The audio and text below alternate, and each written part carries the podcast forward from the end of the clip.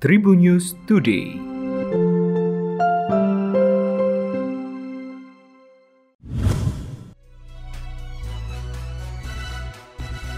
Halo Tribuners, berjumpa kembali bersama Memes. Akan berbagi informasi untuk kamu dimulai dari berita nasional,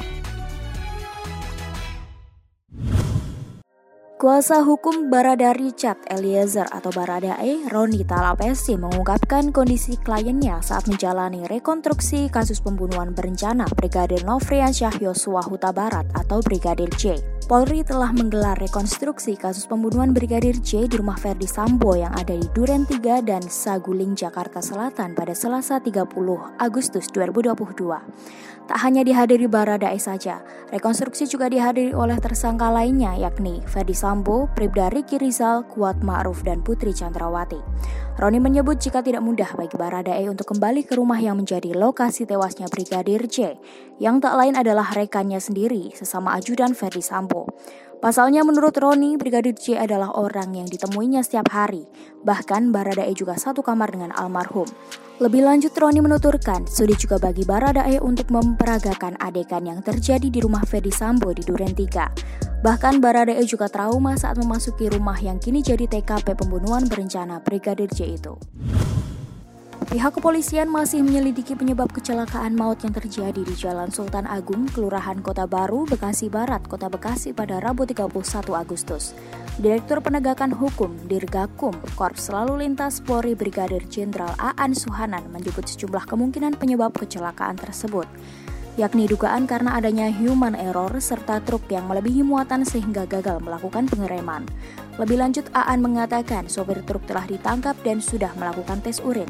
Namun pihaknya belum bisa memintai keterangan supir tersebut sebab masih mengalami shock berat. Selanjutnya berita selebriti Tribuners. Penyanyi cilik Farel Prayoga kembali mencuri perhatian publik. Belum lama ini potret Farel Prayoga berangkat sekolah naik jet pribadi viral di media sosial. Momen Farel Prayoga berangkat sekolah naik jet pribadi dibagikan oleh Ketua Federasi Aerosport Indonesia Banyuwangi Sydney Ilman.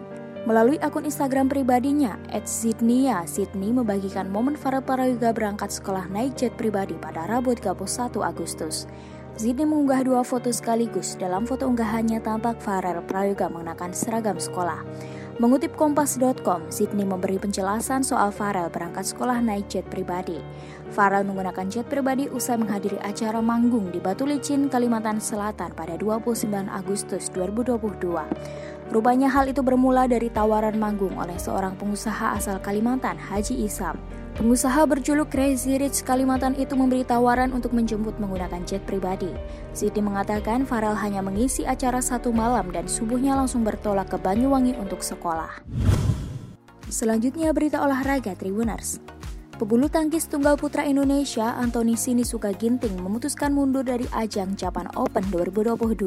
Sejatinya Ginting akan menghadapi Kun Lafut Fititstan, pebulu tangkis asal Thailand di babak 32 besar. Tapi pebulu tangkis kelahiran Cimahi itu memutuskan untuk mundur karena cedera punggung bagian bawah atau low back pain. Dokter PBSI Dr. Grace mengatakan, walau terus membaik tapi Ginting belum akan maksimal. Jadi keputusan terbaik adalah menarik diri dari turnamen BWF level Super 750 ini. Kepala Bidang Pembinaan dan Prestasi PPPBSI Rioni Mainaki akhirnya memutuskan untuk menarik keikutsertaan Ginting serta mendengar keterangan pihak-pihak terkait. Demikian tadi empat informasi terkini yang menarik untuk kamu ketahui. Jangan lupa untuk terus mendengarkan Tribun News Today hanya di Tribun News Podcast, Spotify, dan YouTube channel tribunnews.com. Memes pamit, sampai jumpa. Tribun News Today.